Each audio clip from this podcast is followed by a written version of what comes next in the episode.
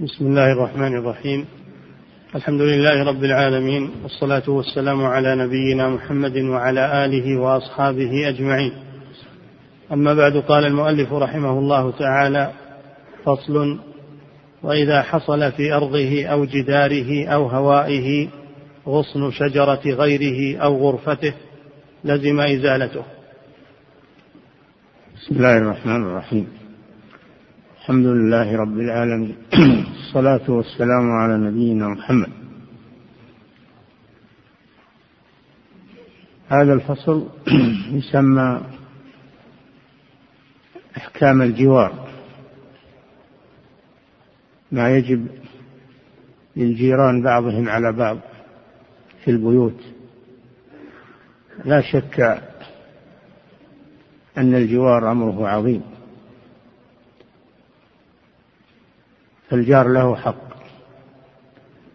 نص الله عليه جل وعلا في القرآن الكريم بقوله تعالى واعبدوا الله ولا تشركوا به شيئا وبالوالدين إحسانا وبذي القربى واليتامى والمساكين والجار ذي القربى والجار الجنب والصاحب بالجنب وابن السبيل وما ملكت أيمانكم إن الله لا يحب من كان مختالا فخورا. فهذه الآية ذكر الله فيها عشرة حقوق ولهذا تسمى آية الحقوق العشرة ومنها حق الجار. والنبي صلى الله عليه وسلم حث على إكرام الجار وكف الأذى عنه. قال صلى الله عليه وسلم ما زال جبريل يوصيني بالجار حتى ظننت أنه سيورثه. قال صلى الله عليه وسلم والله لا يؤمن والله لا يؤمن والله لا يؤمن. ثلاث مرات قالوا من هو يا رسول الله؟ خاب وخسر. قال الذي لا يأمن جاره بوائقه أي غدراته وخيانته. فالنبي صلى الله عليه وسلم أقسم أنه لا يؤمن يعني الإيمان الكامل. فإيذاء الجار ينقص الإيمان. نقصا خطيرا. والجار إكرام الجار يتمدح به العرب من قبل الإسلام. وجاء الإسلام فأقر هذا. أقر هذا لأنه من الخصال الطيبة.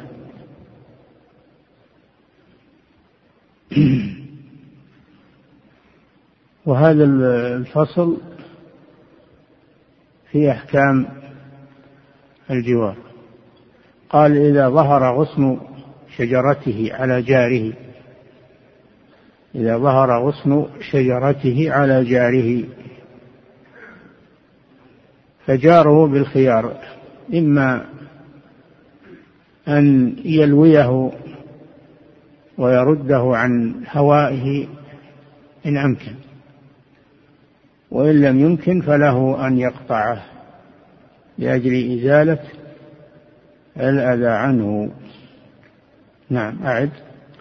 وإذا حصل في أرضه أو جداره أو هوائه غصن شجرة غيره أو غصن في أرضه حصل في أرضه عروق مثلا عروق الشجرة تدخل على الجار على أرض الجار وتؤذيه.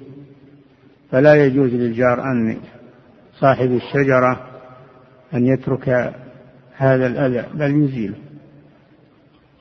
في أرضه أو في هوائه كما ذكرنا من الغصن. نعم.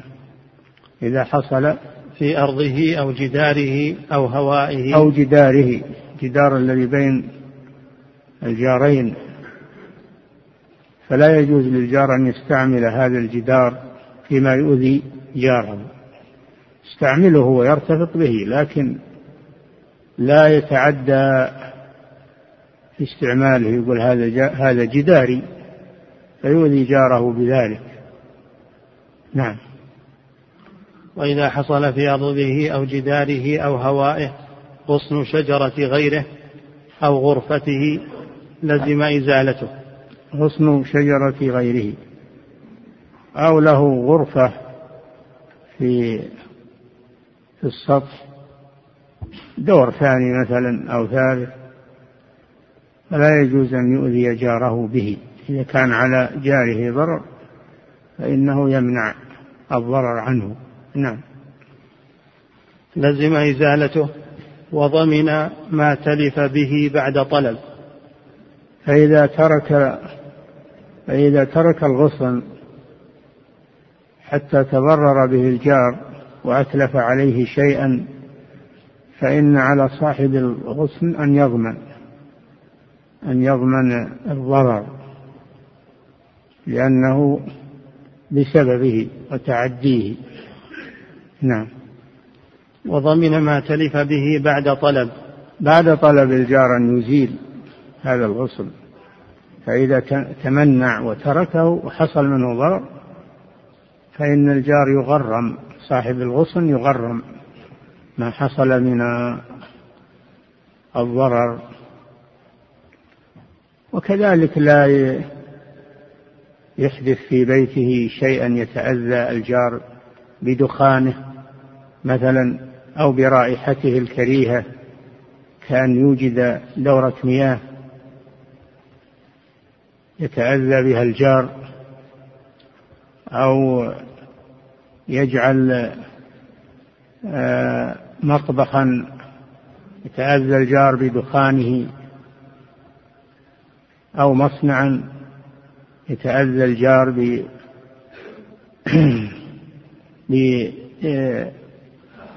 بأصوات الضرب والدق. فالجار لا لا ينتفع بداره نفعا يتعدى أثره على جاره. وله أن ينتفع بداره وأن يستعملها وأن لكن في حدود في حدود ما لا يتأذى به الجار. من الروائح من الأصوات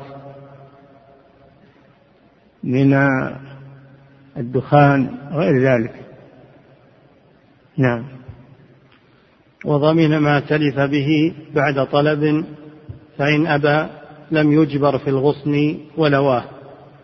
فإن, فإن أبى أن يزيل الغصن إذا إن أزاله فالحمد لله وإن لم يزله فإن أمكن لو ليه ورده على بيت صاحبه فعل ذلك وإن لم يمكن إلا بقطعه قطعه.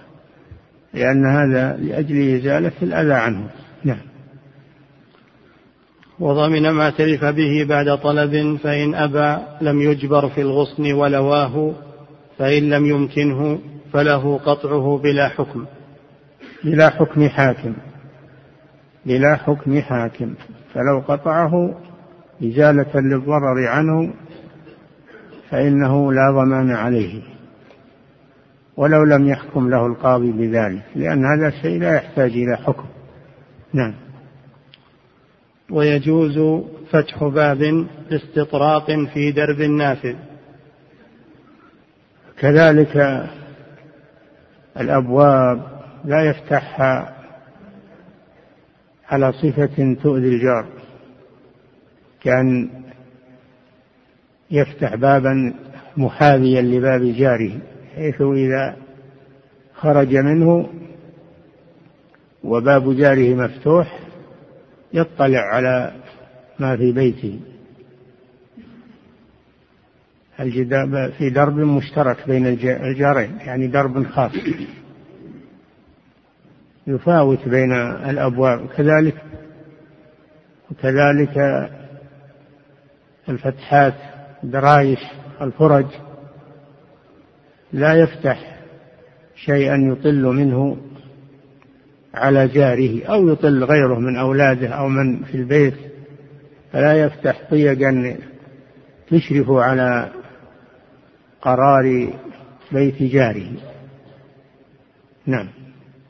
ويجوز فتح باب لاستطراق في درب نافذ لا إخراج جناح. لا. أما الدرب النافذ للناس جميعا على الشارع فله أن يفتح بابا لأن جاره لا يتضرر بهذا ولأن كل كل أصحاب البيوت يفتحون أبوابا على الشوارع العامة. إنما هذا في الشارع الخاص بين الجارين. لا يتصرف فيه أحدهما بما يضر في الآخر. هذا الدرب الخاص المشترك بينه وبين جاره. أما الشارع العام فهذا كل الناس يفتحون أبوابهم على الشارع ولا يمنعون من ذلك. نعم. لا إخراج جناح وساباط. وكذلك من حقوق الناس عموما أن الشوارع أيضا لا تستعمل بما يضر بالمارة. هذا شيء يغفل عنه كثير من الناس اليوم. يستعملون الشوارع لمصالحهم. ولا يبالون بحق المارة. يضعون فيها الحجارة يضعون فيها الأخشاب يضعون فيها الحديد وقت العمار. يضعون فيها مواد العمارة. يسدون الطريق أو يضيقونه على المارة. هذا لا يجوز. لا يجوز له أن يخل بطريق المسلمين فيزيل أذاه عن طريق المسلمين. وهذا من واجب البلدية أنها لا تترك الناس يتصرفون في الشوارع أو يفتح المياه على الشارع وربما تكون مياه قذرة فيضر بالمارة. فالشوارع العامة لا يتصرف فيها بما يضر بالمارة لأنها حق للمارة عموما حتى غير المسلمين. حق للناس حق للناس عموما. كذلك المرافق العامة كالحدائق. لا يجوز للإنسان أنه يحدث فيها ما يضر بالناس الذين يجلسون فيها ويرتادونها. لا يجوز له. له أن ينتفع مع الناس لكن لا يخلف فيها أشياء تضر بالناس. يعني بعض الناس إذا جاء في المكان ما يبالي بما ترك فيه من المخلفات ومن الروائح ومن هذا لا يجوز له بل يزيل ما نتج من جلوسه في هذه الحديقة حتى تبقى نظيفة للجميع. وكذلك الموارد موارد المياه كحافة حافة النهر والبير التي يستقي منها الناس لا يجوز له أن يترك فيها أذى. ولهذا قال صلى الله عليه وسلم اتقوا الملاعن الثلاث. وذكر منها البول أو البراز في الموارد. تبول فيها أو على حافتها أو تغوط لا يجوز له أن يفسد على الناس مواردهم. براز في الموارد ومصالح الناس المشتركة لا يستغلها لنفسه استغلالا يضر بالآخرين ينتفع مع الناس لكن لا يترك أثرا يضر من يأتي من يأتي بعده. كذلك المجالس التي يجلس فيها الناس في الظل في الظل في الصيف أو المشمس في الشتاء. لا يحدث فيها ما يمنع الناس من الانتفاع بها. يجلس يجلسون فيها بعضهم مع بعض أو يتشمسون فيها وقت البرد والشتاء. فلا يكدر على الناس مرتفقاتها. نعم. لا إخراج جناح وساباط وميزاب إلا بإذن إمام. نعم. لا ولا يخرج الجناح. الجناح على الشارع. والجناح أن يجعل سطحة على خشب. أن يجعل سطحة بارزة على الشارع على خشب. تسمى الآن البرندة مثلا في المسلح فلا يجعل آه، سطحة ممتدة على الشارع خارجة من بيته لأن هذا يضيق الشارع. إلا بإذن الإمام ولي الأمر. لأن ولي الأمر ينظر في مصالح المسلمين. فإذا رأى أن إخراج هذا الجناح لا يضر على المارة أقره. وإلا وإلا منعه. والذي يمثل ولي الأمر هم البلدية. يمثلون ولي الأمر لأن هذا موكول إليهم. ولا ساباط. والساباط هو القبة التي تكون فوق الشارع على جدارين. جداري الشارع يجعل خشب ويجعل فوقها سطح ويجعل فوق السطح غرفة مثلا قبة فوق الشارع. هذه لا تجوز لأنها تضر بالمارة. إلا إذا أقرها الإمام أو أو نائبه على أنها لا تضر بالمارة فلا بأس. كان يجعل فوقها غرفة أو طريقا إلى بيت آخر له ولا في ضرر على المارة. لا بأس بذلك. أما إذا كان يضر على المارة فإنه يمنع الساباط. والدكة. الدكة وهي المجلس الذي يبنى ويجلس عليه مرتفعا عن أرضية الشارع على صفة كراسي. ثابتة من الطين أو من الإسمنت أو من الأخشاب يجعل له مجالس عند بيته يقول هذا بيتي ويجعل مجالس تضيق الشارع هذا لا يجوز هذه هي الدكة. نعم. إلا بنظر ولي الأمر أو نائبه على صفة لا تضر بالناس نعم. لا إخراج جناح وساباط وميزاب. وميزاب. ميزاب مخرج السيول بأن يجعل خشبة من منقورة ومحفورة يغرزها في جدار السطح ثم يخرج ينساب السيل أو الماء معها. من عادة الناس ومن ضرورياتهم اتخاذ الميازيب لا بأس. لكن لا يجعل ميزابا يضر بالمارة. يجعله على صفة آه، لا تضر بالمارة. فإن جعل ميزابا يضر بالمارة فإن ولي الأمر أو نائبه يزيل هذا الميزاب. نعم. لا إخراج جناح وساباط وميزاب إلا بإذن الإمام إلا بإذن إمام مع أمن الضرر. بإذن إمام والإمام ما يأذن مطلقا وإنما يأذن بما لا ضرر فيه لأنه نائب عن المسلمين.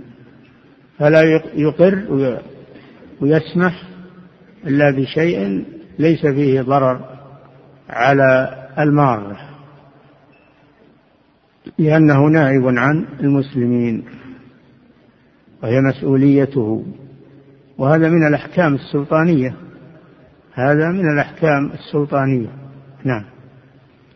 إلا بإذن إمام مع أمن الضرر وفعل ذلك في ملك جار ودرب مشترك حرام بلا إذن مستحق.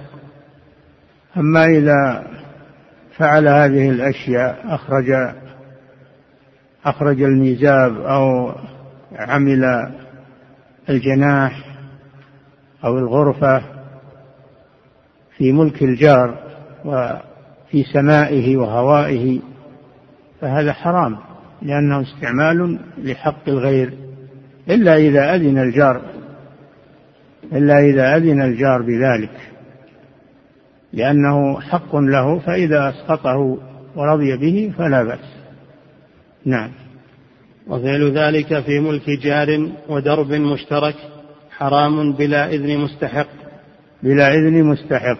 وهو المستحق خاص كالجار أو عام كعموم الناس وينوب عنهم ولي الأمر كما سبق. فما لا ضرر فيه يقره وما فيه ضرر يمنعه. نعم. وكذا وضع خشب إلا ألا يمكن إلا ألا يمكن تسقيف إلا به. وكذا وضع الخشب على جدار مشترك بينه وبين جاره.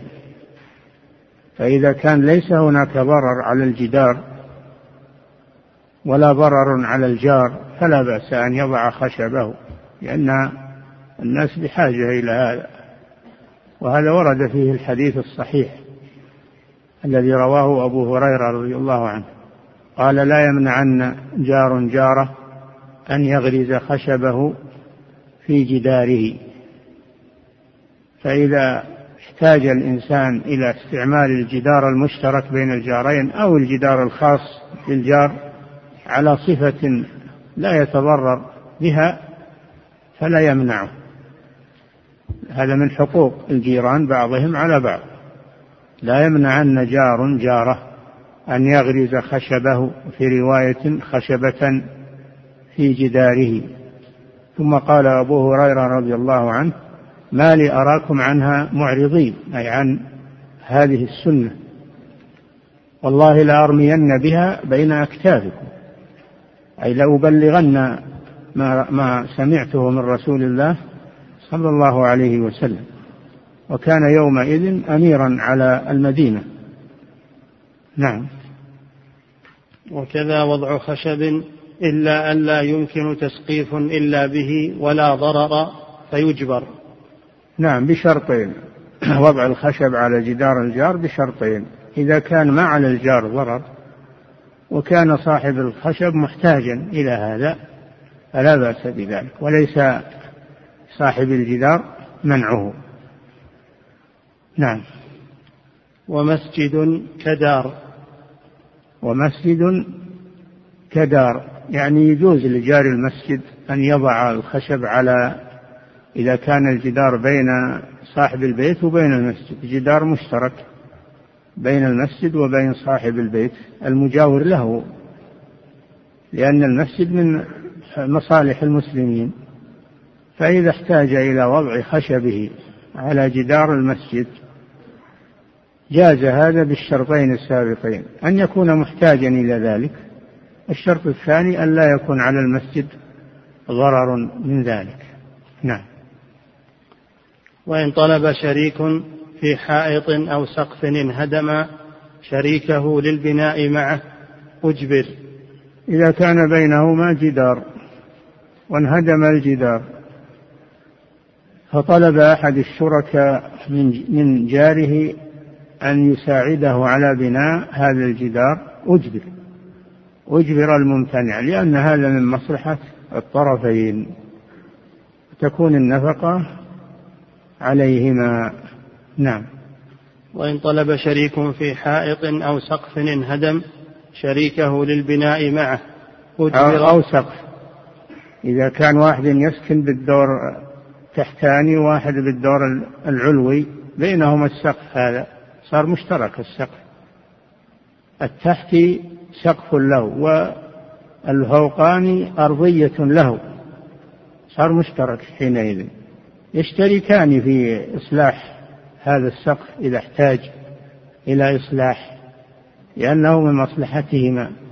ولا يقول أحدهما أنا ما لي حاجة الحاجة لك أن تصلحه يقول لا هذا هذا لكما مشترك. فكل يقوم بقسطه. من تكاليف إصلاح الجدار المشترك أو السقف المشترك بينكما. نعم ولا تجعل التكاليف على واحد لأن الآخر له مصلحة أيضا. نعم. وإن طلب شريك في حائط أو سقف انهدم شريكه للبناء معه أجبر كنقض خوف سقوط. وكذلك إذا تعيب الجدار المشترك بينهما وهدمه يحتاج إلى مؤونة. فإنهما فإن وقال أحد الجيران نهدم هذا الجدار لئلا يسقط علينا. أبى ذاك. قالوا اهدم أنت على نفقتك. نقول لا. يهدم والنفقة على الاثنين لأنه لإزالة الضرر عن الاثنين وهو ملكهما. نعم. وإن بناه بنية الرجوع رجع. إذا بناه أحدهما ولم ولم يكلم الآخر فإن كان متبرعا فليس له شيء.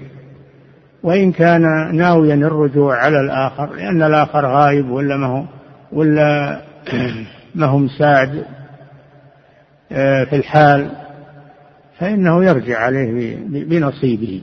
إذا كان ناويا الرجوع أما إذا كان لم ينوي الرجوع صار متبرعا. نعم. وكذا نهر ونحوه. وكذا نهر مشترك وساقية مشتركة وقناة مشتركة يكلف الشركاء بإصلاحها وتكون النفقة على الجميع ويجبر الممتنع من الشركاء عن أداء نصيبه من تكاليف إصلاح النهر أو الساقية أو مجرى الماء الذي بينهما. نعم.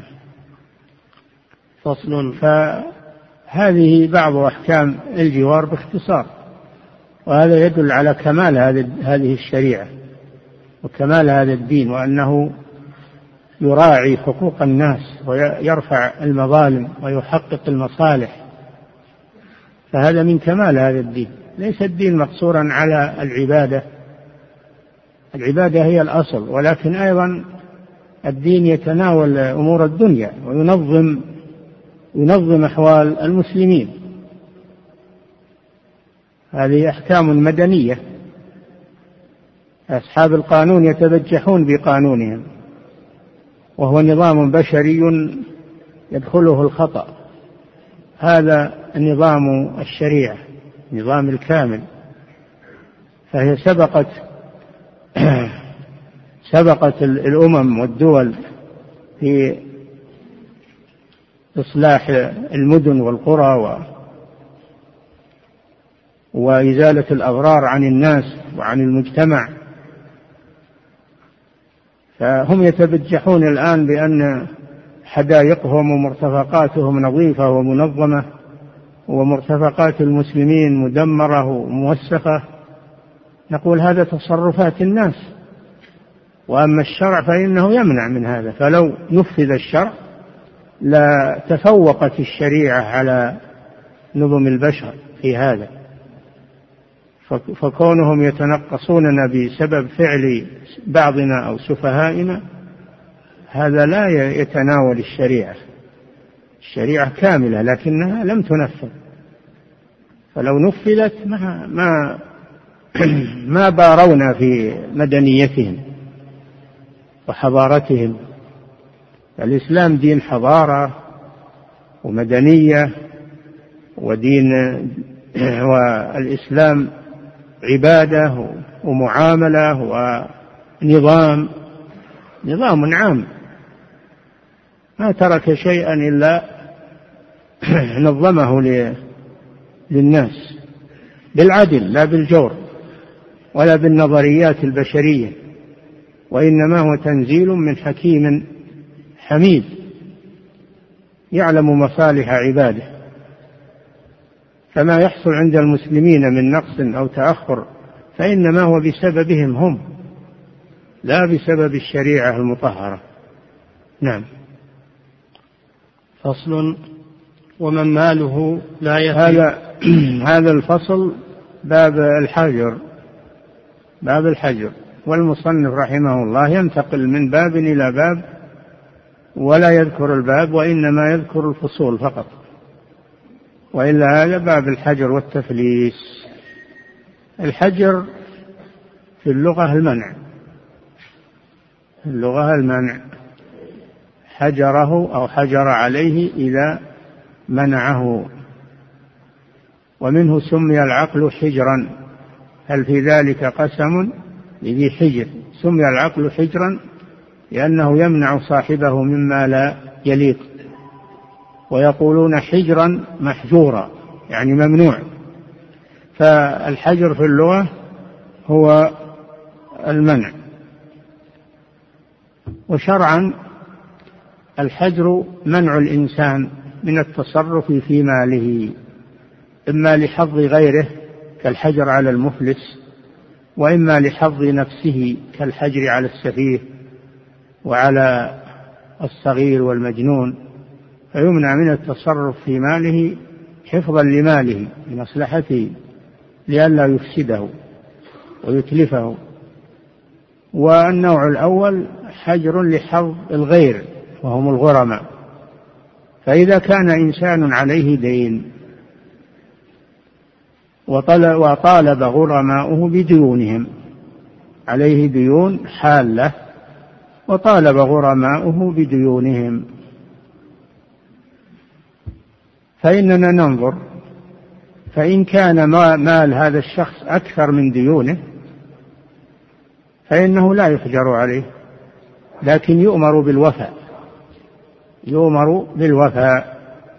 فإن أبى فإن فإن ولي الأمر فإن ولي الأمر يجبره على التسديد لأنه لا عذر له. فإن أبى مع مع أمر ولي الأمر وصدور الحكم عليه بالتسديد وهو غني أبى وماطل فإن ولي الأمر يتدخل فيأخذ من ماله ويسدد لغرمائه ولو لم يرضى. قال صلى الله عليه وسلم لي الواجد ظلم ليه يعني مماطلته؟ الواجد يعني الغني فمماطلة الغني لغرمائه ظلم. يحل عرضه وعقوبته.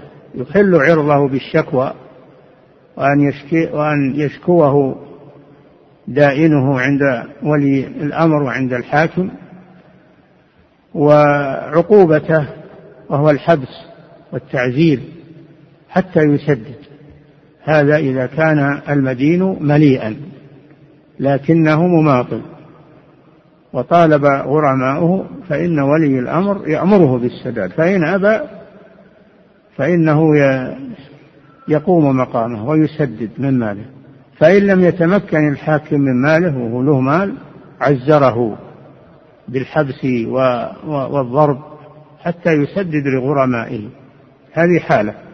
الحالة الثانية أن يكون مال المدين أقل من ديونه. أقل من ديونه وطالب الغرماء بحقوقهم. فهذا هو الذي يحجر عليه. إذا كان ماله أقل من ديونه فإن الحاكم يمنعه من التصرف في ماله لئلا يضر بالغرماء. وهذا موضع البحث الآن. الحالة الثالثة أن لا يكون عنده شيء. مدين وطالب غرماؤه بحقوقهم وليس عنده شيء فهذا المعسر. فهذا هو المعسر. قال الله جل وعلا وإن كان ذو عسرة فنظرة إلى ميسرة وأن تصدقوا خير لكم إن كنتم تعلمون. فالمعسر ينظر يجب إنظاره ولا يجوز مطالبته ولا يجوز حبسه وتعزيره.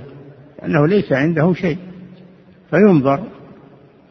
فغريمه بين أمرين إما أن ينظره وجوبا وإما أن وإما أن يسقط عنه الدين ويكون صدقة.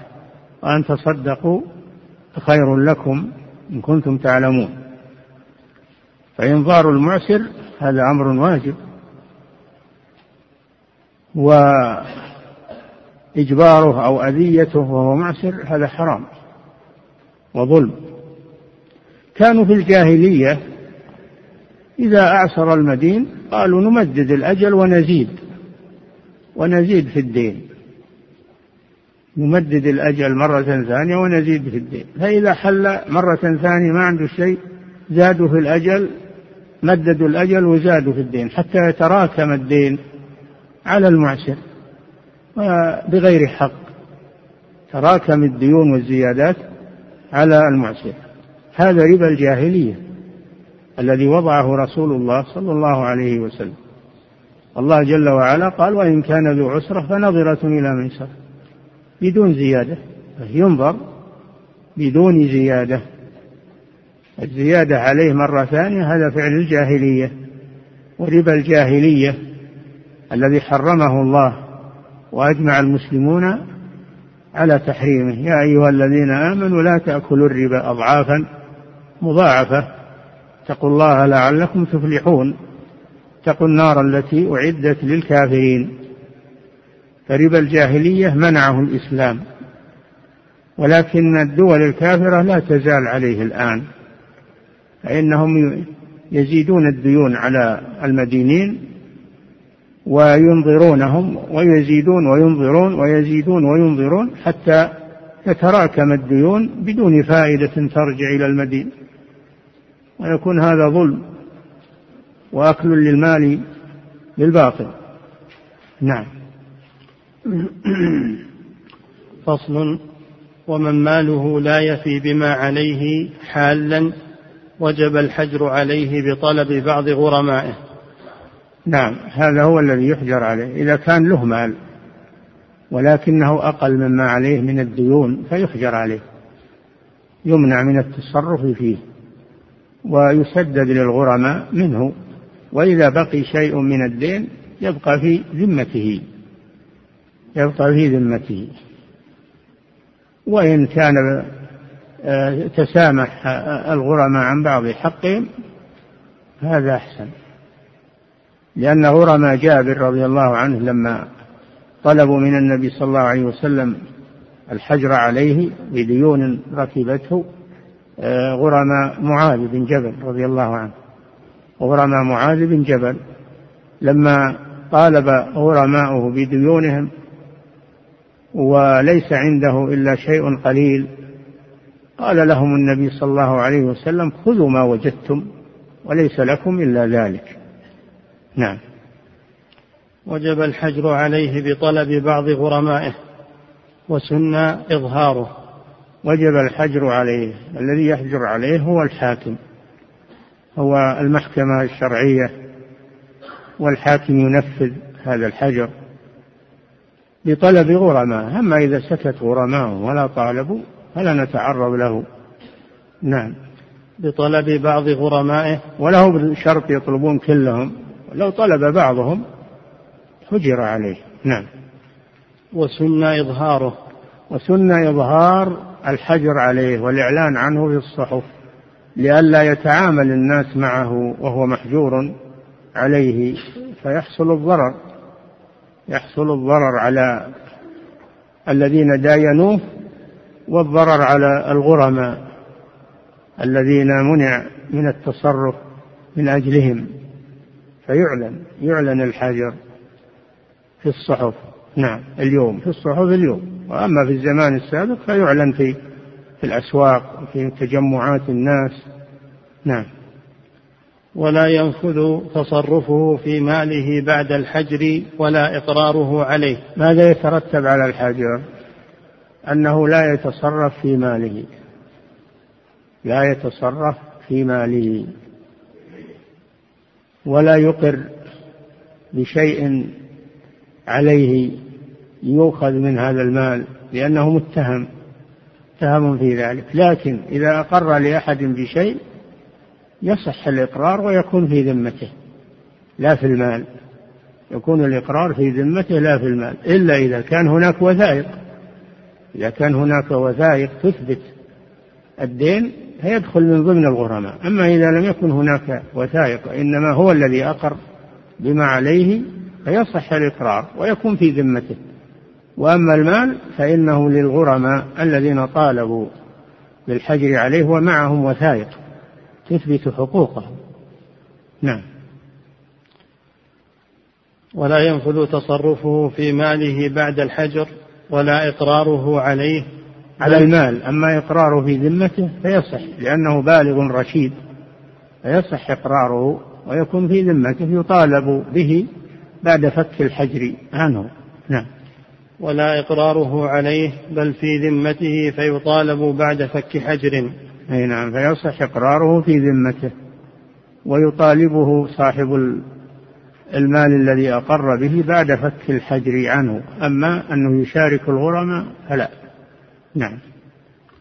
ومن سلمه عين مال جاهل الحجر أخذها إن كانت بحالها. إذا تعامل معه إنسان بعد الحجر عليه وهو ما درى باع عليه السلعة باع عليه السيارة ولا درى أنه محجور عليه.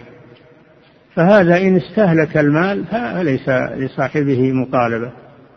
وأما إن كان المال باقيا كالسيارة موجودة. ولم يتغير منها شيء أو الطعام اللي شراه موجود ولم ينقص منه شيء السلعة باقية بعينها. تعامل معه إنسان وهو ما درى. نقول لهذا صاحب العين التي دخلت على المحجور عليه خذ مالك خذ مالك. ولا وليس للغرماء فيه حق. لأنه ما درى عن الحجر.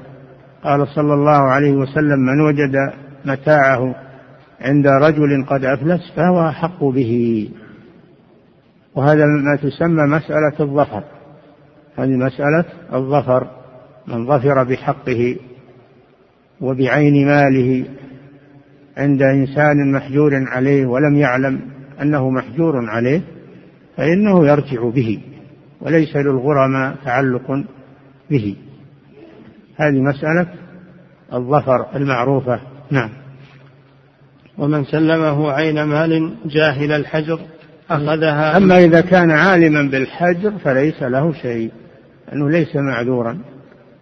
نعم. ومن سلمه عين مال جاهل الحجر أخذها إن كانت بحالها. ويعني إذا كان صاحب العين عالما بالحجر عليه فلا يرجع بها. تكون مع أمواله تقسم بين الغرماء. ويطالبه صاحبها بعد فك الحجر عنه. أنا نقول تتلف عليه لكن يطالبه بها تبقى في ذمته ويطالبه بها بعد فك الحجر عنه. نعم. ومن سلمه عين مال جاهل الحجر أخذها إن كانت بحالها. إن كانت بحالها يعني لم تتغير لم تزد ولم تنقص ولم يتصرف. فيها المحجور عليه. نعم. فإن تصرف فيها أو نقصت أو زادت تغيرت عن حالها يوم استلمها ليس له الرجوع بها. نعم. أخذها إن كانت بحالها وعوضها كله باق ولم يتعلق بها حق للغير. نعم. بشرط أن لا يتعلق بها حق للغير كأن يقر بها لأحد أو أو يرهنها عند أحد. نعم. ويبيع حاكم ماله. هذا من أحكام الحجر. الحكم الأول أنه يمنع من التصرف في ماله ولا ينفذ تصرفه في ماله. الحكم الثاني أن الحاكم يتدخل فيحصي أمواله ويبيع ما يحتاج منها إلى بيع وتصفية. ثم يسدد للغرماء بالمحاصة يسدد لهم بالمحاصة ويكون النقص على الجميع. نعم. ويبيع حاكم ماله ويقسمه على غرمائه. ومن لم يقدر على وفاء شيء من دينه أو هو مؤجل تحرم مطالبته وحبسه وكذا ملازمته. ومن؟ ومن لم يقدر على وفاء شيء من دينه أو هو مؤجل تحرم مطالبته. هذا هذا المعسر.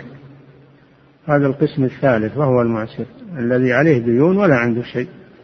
هذا لا يطالب ولا يعزر وينظر. يجب ولا يزاد عليه الدين بل ينظر. قوله تعالى وإن كان ذو عسرة فنظرة إلى ميسرة. نعم. لكم رؤوس أموالكم لا تظلمون ولا تظلمون. نعم. ومن لم يقدر على وفاء شيء من دينه أو هو مؤجل أو دينه مؤجل ما هو بحال. فلا يطالب بالدين قبل حلوله. نعم. تحرم مطالبته وحبسه. نعم. وكذا ملازمته. وكذا ملازمته. الملازمة أنه يمشي معه ويتابعه أو أو يدخل عنده في بيته حتى يسدد له. هذا حرام ولا يجوز. أو يجعل عنده شرطي يمشي معه. هذا لا يجوز لأنه معسر. لا يجوز. نعم. ولا يحل مؤجل بفلس ولا بموت إن وثق, إن وثق الورثة. وثق ولا يحل مؤجل بفلس ولا بموت إن وثق الورثة برهن محرز. محرز. برهن محرز أو كفيل مليء. نعم. الدين المؤجل يبقى على تأجيله. فلا يحل بفلس. لا يحل إذا أفلس. لكن يبقى على تأجيله. ولا بموت إذا مات المدين. وعليه دين مؤجل. لا يحل آه، المؤجل بشرط أن يوثق الورثة أن يوثق الورثة هذا الدين برهن محرز عند الداين يعني مقبوض رهان مقبوضة أو كفيل ملي كفله واحد. وقال إذا حل أنا أسدد لكم. فلا يحل من أجل الموت إذا وثق الورثة برهن محرز أو كفيل مليء يعني مليء بماله مليء بنفسه ما ما يماطل المليء على قسمين مليء بماله بحيث يستطيع السداد ومليء بنفسه بحيث إنه ما يماطل ويتغيب ويتحيل. هذا هو المليء. نعم. وإن ظهر غريم بعد القسمة رجع نعم. على الغرماء بقسطه. إذا قس إذا الحاكم باع ما عند المفلس وسدد للغرماء بالمحاصة ثم ظهر غريم جديد. ما كان غايب ولا وثيقته ضايعة ولا. بعدين ظهر. يرجع على الورثة بحصته لأنه من ضمنهم. فيرجع على الورثة بحصته. نعم. على على الغرماء يرجع على الغرماء بحصته لأنه واحد منهم وهو معذور في عدم إظهار دينه لأنه غايب ولا وثيقته ضائعة وما أشبه ذلك. نعم. فصل. ويحجر على الصغير والمجنون والسفيه لحظهم. أما القسم الثاني من أقسام الحجر فهو الحجر على القاصر الحجر على القصار. لحظ أنفسهم لئلا يضيع مالهم يفسدوه ويضيعوه. قال الله سبحانه وتعالى وابتلوا اليتامى حتى إذا بلغوا النكاح فإن آنستم منهم رشدا فادفعوا إليهم أموالهم ولا تؤتوا السفهاء أمواله أموالكم أموالكم يعني أموالهم هم سماها أموالا للمخاطبين لأنه يجب عليهم أن يحافظوا عليها كما يحافظون على أموالهم. ولا تؤتوا السفهاء أموالكم يعني أموالهم. سماها أموالا للمخاطبين لأجل أن يحافظوا عليها كما يحافظون على أموالهم. التي جعل الله لكم قياما ولا تؤتوا السفهاء والسفيه هو خفيف العقل الذي لا يحسن التصرف. يكون هذا إما لصغره أو جنونه أو لعدم إحسان التصرف وإن كان كبيرا. التي جعل الله لكم قياما وارزقوهم فيها واكسوهم فينفق عليه من ماله. يحجر عليه لكن ينفق عليه قدر الحاجة في في المصرف وفي الكسوة وفي المسكن. ينفق عليه من ماله وليه ينفق عليه. وارزقوهم فيها واكسوهم وقولوا لهم قولا معروفا. نعم. ويحجر على الصغير والمجنون والسفيه لحظهم. الصغير معروف من دون البلوغ. الصغير هو من دون البلوغ. والمجنون من خالطه مس الجن وخبل عقله ولو كان كبيرا. والسفيه هو الذي لا يحسن التصرف في المال ويبذر ولو كان كبيرا يحجر على الثلاثة لأجل مصلحتهم. نعم. ولا يقال هذه أموالهم وكيفهم يصرفون فيه نقول لا الله منع من هذا. الأموال لها لها حرمة والأموال هي قوام مصالح العباد التي جعل الله لكم قياما. نعم.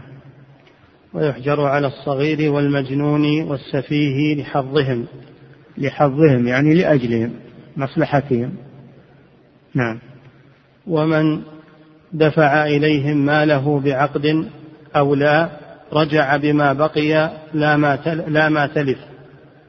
إذا واحد باع على مجنون أو على سفيه أو على صغير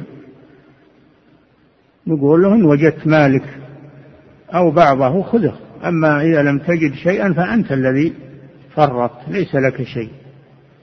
ليس لك شيء لأنك أنت المفرط. لكن إن وجده أو وجد شيئا منه أخذه. نعم. ومن دفع إليهم ماله بعقد أو لا؟ بعقد بيع أو شراء أو لا كأن يؤمنهم. ما هو بعقد. قال خلي هذا عندك وديع فرح هذاك. خلي هالمال عندك وديع وفرح السفيه ولا المجنون أو الصغير ده لا يبذر منه ويسرف فيه. نعم. رجع بما بقي لا ما تلف. أما ما تلف فليس له شيء ضمان لأنه هو المفرط. نعم. ويضمنون جناية وإتلافا الصغار والمجانين والسفهاء إذا جنوا يسوق سيارة وصدم واحد وأتلف سيارته أو تلف الشخص المصدوم يضمن ولو كان صغير ولو كان مجنون لأن المتلفات تضمن. المتلفات تضمن ممن كان الإتلاف سواء كان صغيرا أو أو مجنونا أو سفيها أو عاقلا مميز آه، رشيدا. فالمتلفات تضمن لأن حقوق الناس. ولا يقال هذا صغير فرضنا أنه راح الدكان واحد وأحرقه ولع فيه النار وأحرقه.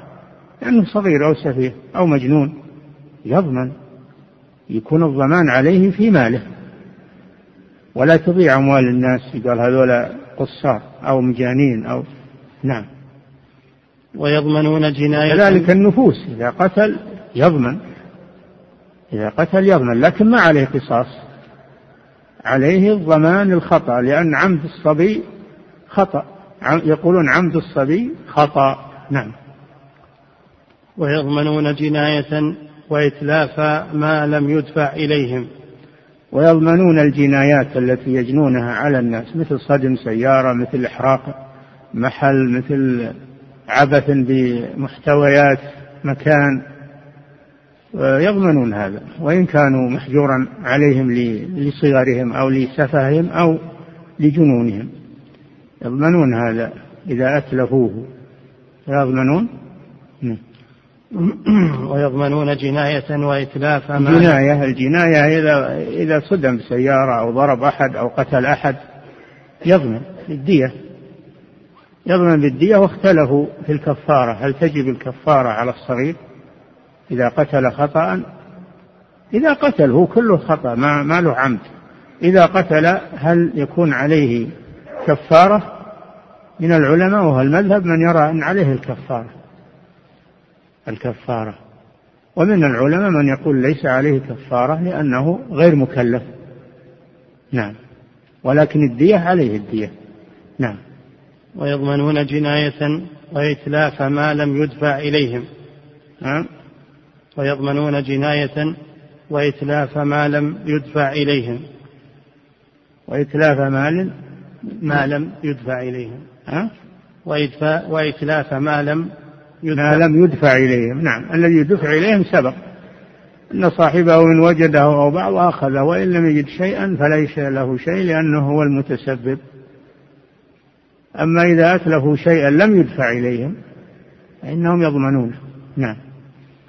ومن بلغ رشيدا أو مجنونا ثم عقل ورشد انفك الحجر عنه بلا حكم وأعطي ماله. لماذا ينفك الحجر عن الصغير والمجنون؟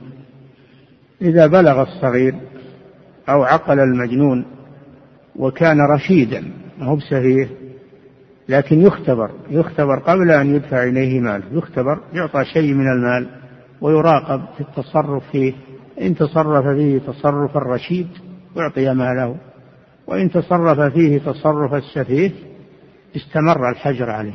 قال تعالى وابتلوا اليتامى يعني اختبروهم أعطوهم شيء من المال وابتلوا اليتامى حتى إذا بلغوا النكاح فإن آنستم منهم رشدا فادفعوا إليهم أموالهم. فأمر بدفع أموالهم إليهم بشرطين الشرط الأول البلوغ الشرط الثاني أن يكون رشيدا يحسن التصرف في ماله وابتلوا اليتامى حتى إذا بلغوا النكاح يعني بلغوا سن الرشد فإن آنستم منهم رشدا فادفعوا إليهم أموالهم ولا تأكلوها إسرافا وبدارا يكبر لا يجوز لولي اليتيم أو الصغير أو المجنون أن ينتهز الفرصة يتصرف في مال القاصر.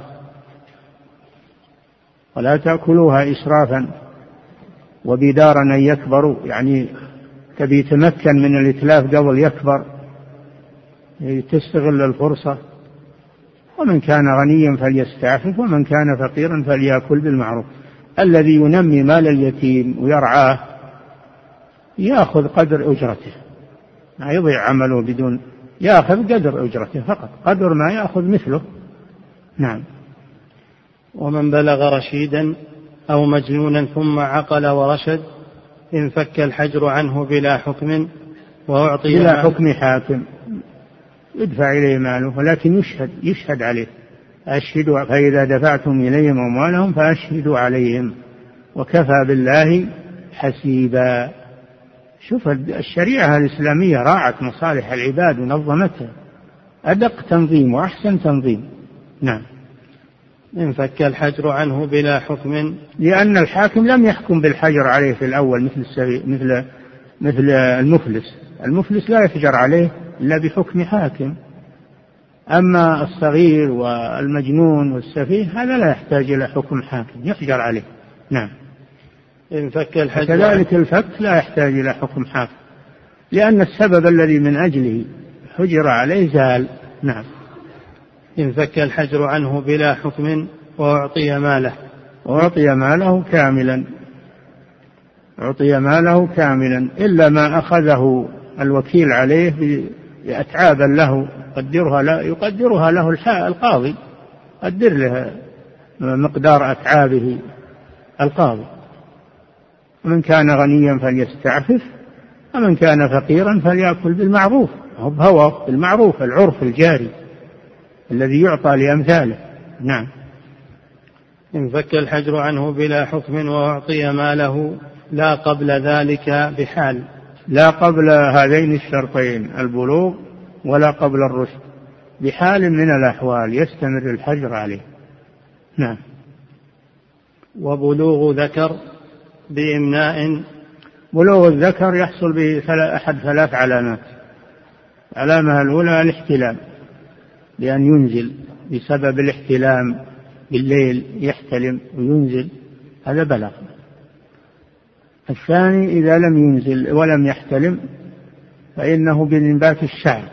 العلامة الثانية إنبات الشعر الخشن حول القبل أو نبات الشارب واللحية. العلامة الثالثة إذا لم يحصل احتلام ولم يحصل إنبات شعر بلوغ خمسة عشر عاما فإذا بلغ خمسة عشر عام بلغ. ولو لم ينبت ولو لم ينزل بلوغ السن يكفي.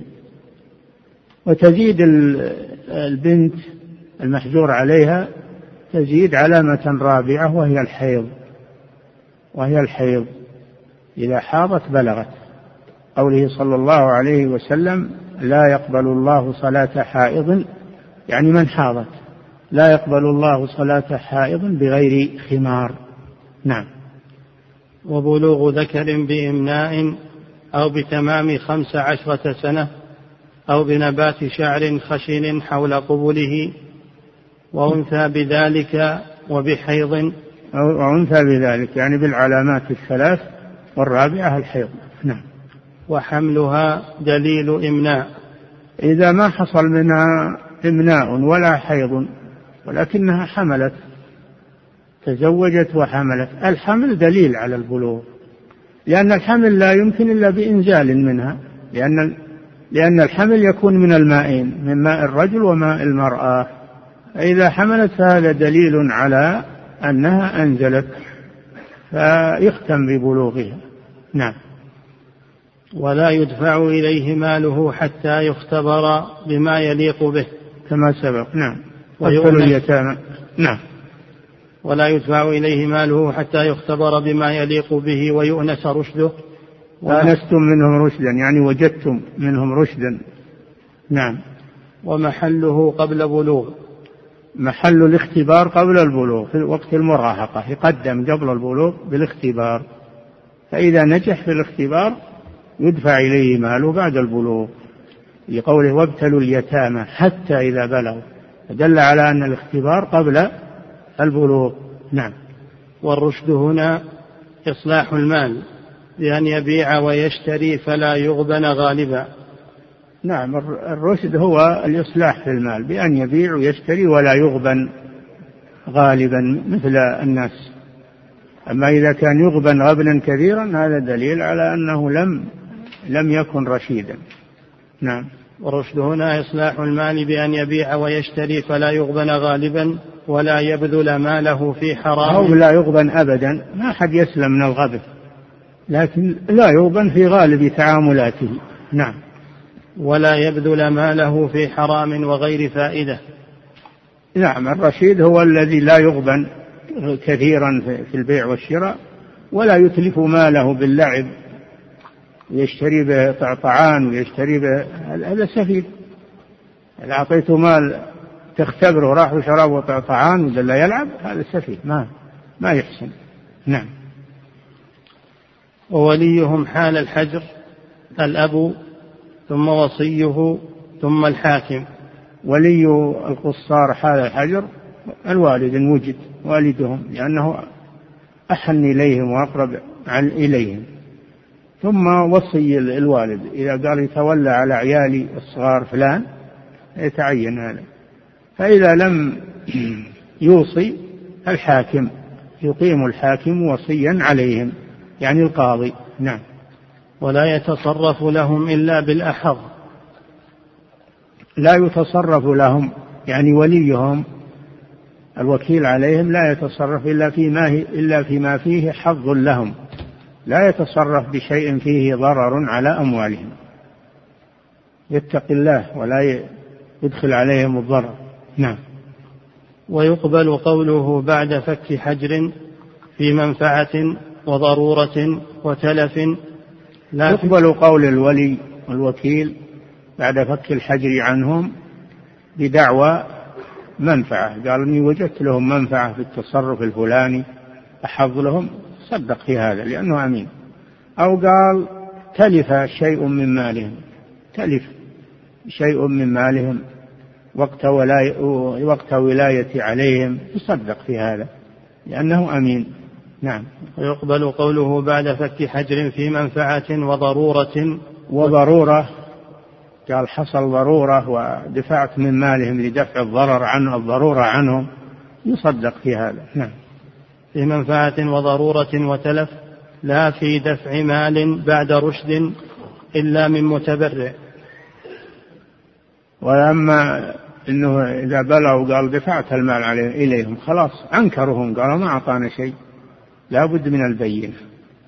لا بد أن يقيم بينة. لقوله تعالى فإذا دفعتم إليهم أموالهم فأشهدوا فأشهدوا عليهم لئلا ينكروا.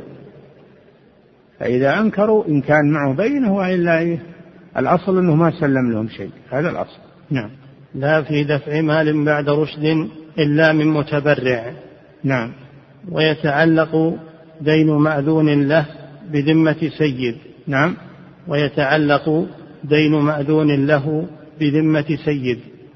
ودين غيره وأرش جناية قن وقيم الضمان هذا خلنا الدرس القادم إن شاء الله. نعم.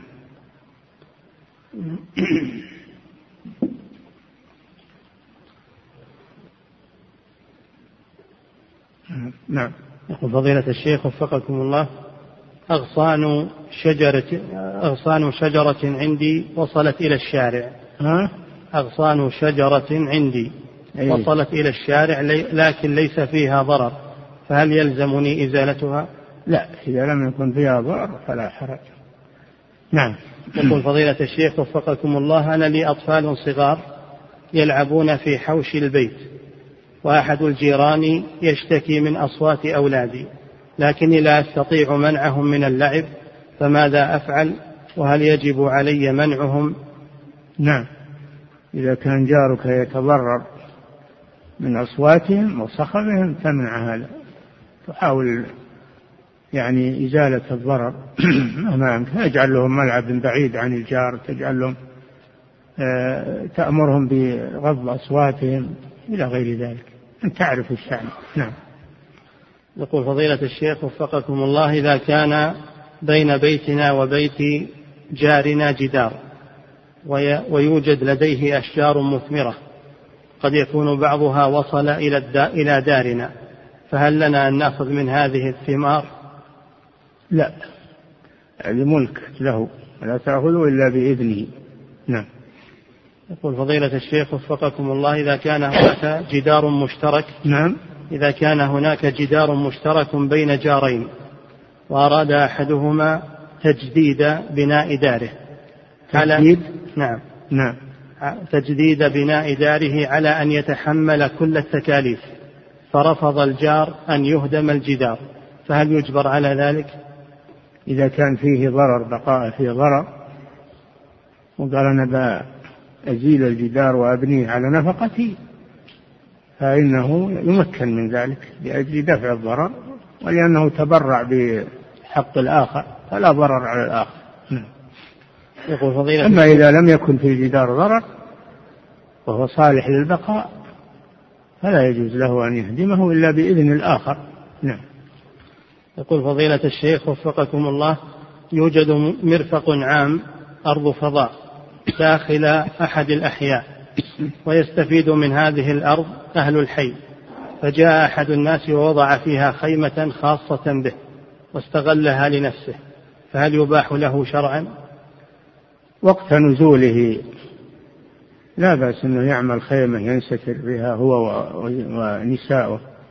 وقت نزوله أما أنه يبقيها الخيمة بصفة دائمة فلا يجوز له ذلك لأنه يحمي المكان عن الناس. فإذا سبق إلى مكان ويريد الجلوس فيه وقتا معينا محددا يضع الخيمة ما يخالف.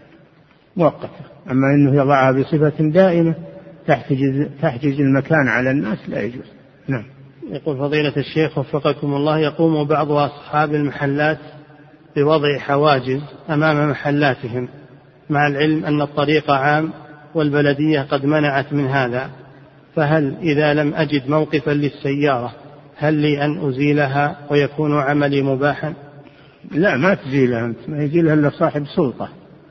أنك لو أزلتها حصل بينكم مشادة أو مضاربة ومن يخلصكم؟ لا تشتكي على الشرطة. على الشرطة مركز الشرطة يجون ويغيرون هذا الشيء.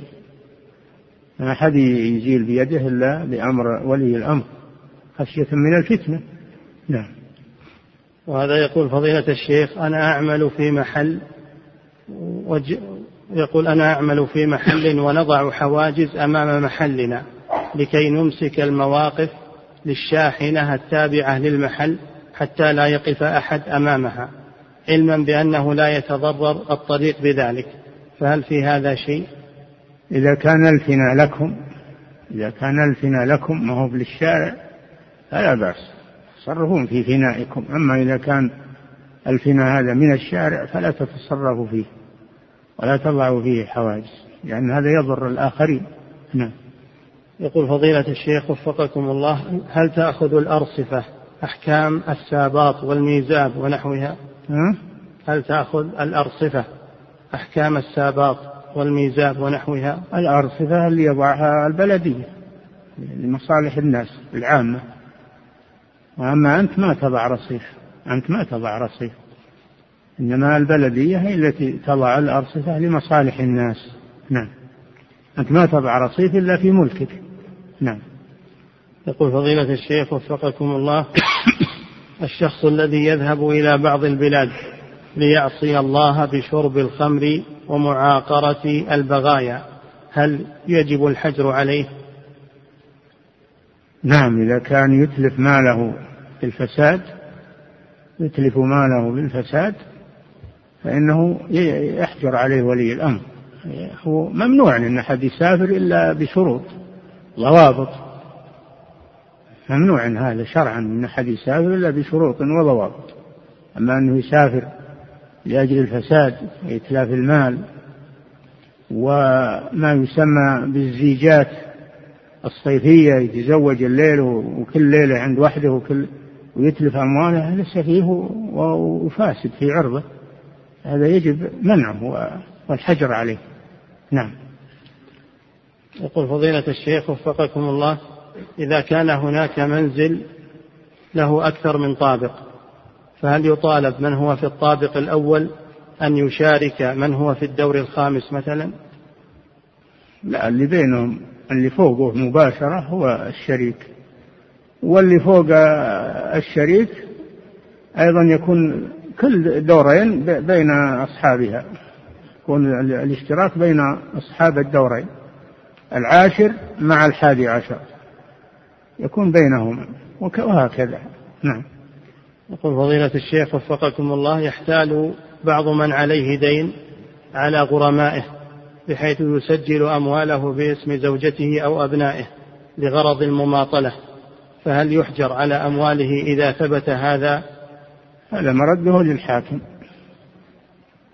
تراجع الحاكم وتثبت هذا الأمر وأنه محتال وأنه الحاكم يفسد عليه حيلته. نعم. يقول فضيلة الشيخ وفقكم الله إصلاح الأنابيب في العمارة التي يكون سكانها مختلفين فعلى من يكون ذلك؟ إصلاح إيش؟ الأنابيب. الأنابيب. أنابيب مواسير المياه اللي اللي تدخل في الشقق وفي الأدوار هذه على الجميع. هذه على الجميع ويجبر الممتنع. نعم. يقول فضيلة الشيخ وفقكم الله استأجر مني شخص شقة لي ثم سدد القسط الأول وبعد ذلك لم يسدد وعندما أطالبه يدعي الفقر والعسر وأنه لم يجد عملا إلى الآن. سؤاله هل يجوز لي شرعا أن أشتكيه؟ أم يجب علي إنظاره؟ ولو كان في إنظاره ضرر علي؟ إذا علمت أنه آه، أنه كذاب أنه يدعي هذه الدعوة وهو كذاب فلك أن تشتكي. أما إذا تيقنت وعلمت أنه أنه صحيح وأنه ما عنده شيء وأنه يحتاج إلى أنه يعمل ويسدد لك فهذا نظرة إلى ميسرة. هذا راجع لك أنت. إذا علمت لا تضايقه. وإذا لا وإذا علمت أنه أنه فقير ولا يستطيع أنظره أما إذا علمت أنه محتال وكذاب فلك أن تشتكيه تأخذ حقك منه لأنه مماطل نعم. يقول فضيلة الشيخ وفقكم الله إذا ظهر الغريم بعد القسمة هل يرجع على الغرماء أم يرجع على الورثة الذين آل لهم المال بلا غرم؟ لا ما هنا إرث إلا بعد الديون. فإذا كان المفلس ما صار وراه ميراث. المفلس يروح للغرماء فيرجع على الغرماء بحصته يرجع على الغرماء بحصته. نعم. يقول فضيلة الشيخ وفقكم الله من مات وعليه ديون ولم يخلف تركة يستوفى منها ديونه فهل يرجع الغرماء على أولاده؟ وهل يجب على الأولاد أن يسددوا ديون والدهم لا. لا يرجع على أولاده إلا برضاهم. فإذا أرادوا البر إذا أرادوا البر بوالدهم ونفع والدهم وسددوا عنه. هذا شيء طيب. أما الإجبار لا يجبر. نعم. يقول فضيلة الشيخ وفقكم الله. ويبقى الدين في ذمة المدين. نعم.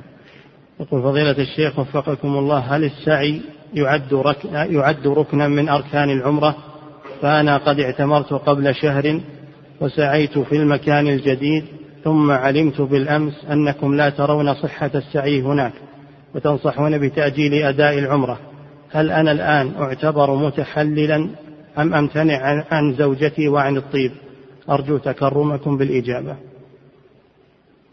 نعم هو السعي ركن من أركان الحج وركن من أركان العمرة.